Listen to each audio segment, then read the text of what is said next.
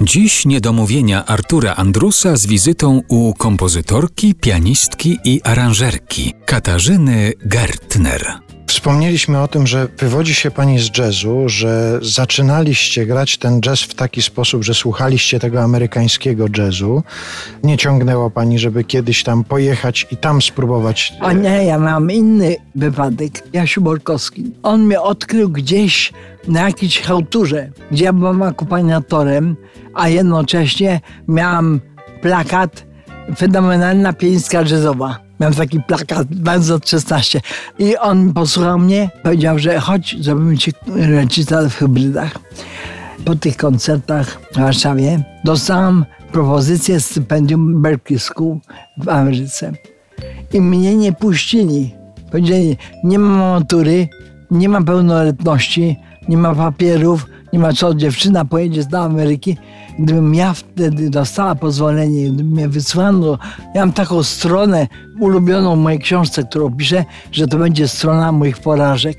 To była pierwsza porażka w życiu, że mnie nie pozwolono wyjechać do tej szkoły. No ale właśnie pomyślałem sobie, wyobraziłem sobie panią od razu jadącą tą drogą 66, zmierzającą z Chicago Tak. do Los Angeles, do Santa Monica i od razu sobie skojarzyłem z tym, że jadąc tutaj do pani, mąż, który umawiał nas na to spotkanie, kilka razy akcentował, że mam jechać drogą 728.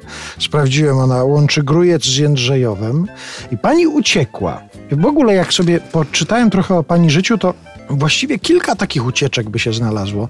Co się stało, że pani właśnie z tego, jak się wydawało, wielkiego świata, czyli Warszawa, Kraków, uciekła gdzieś tutaj w A, no Świętokrzyskie? to nie, diagnoza, bo ja, lekarska diagnoza. Po prostu lekarz Szwajcarii powiedział mi, zostaw dziecinką Warszawę, bo to nie dla ciebie. Dostaw świat w ogóle. To nie była tylko Warszawa. To był Londyn, Genewa, to były Niemcy, Monachium.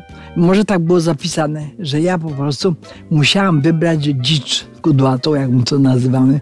Proszę spojrzeć, przed nami jest pół kilometra naszej ziemi, nie skażonej nawozami sztucznymi.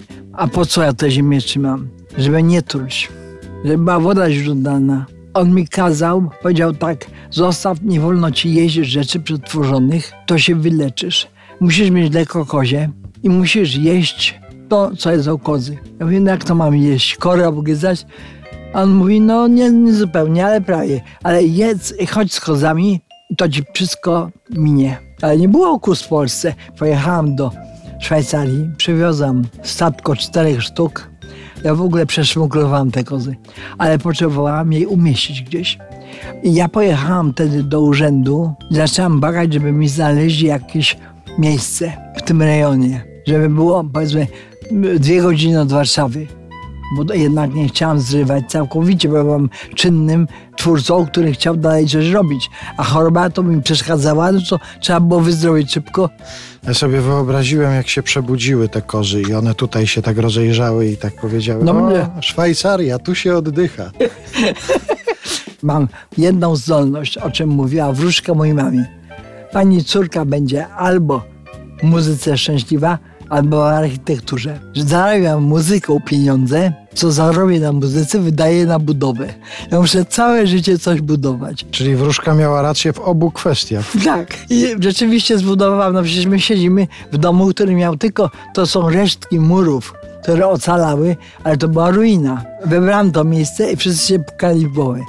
Kobieto, przecież nie dasz rady. A ja mam bardzo duży zapas sił w sobie. Mnie choroba tak nie, nie jest w stanie powalić. Ciąg dalszy spotkania z Katarzyną Gertner w RMF Classic już wkrótce. Porozmawiamy m.in. o fascynacji folklorem, czyli już niedługo pojawią się na szkle malowane i pozłacany warkocz. Zapraszamy.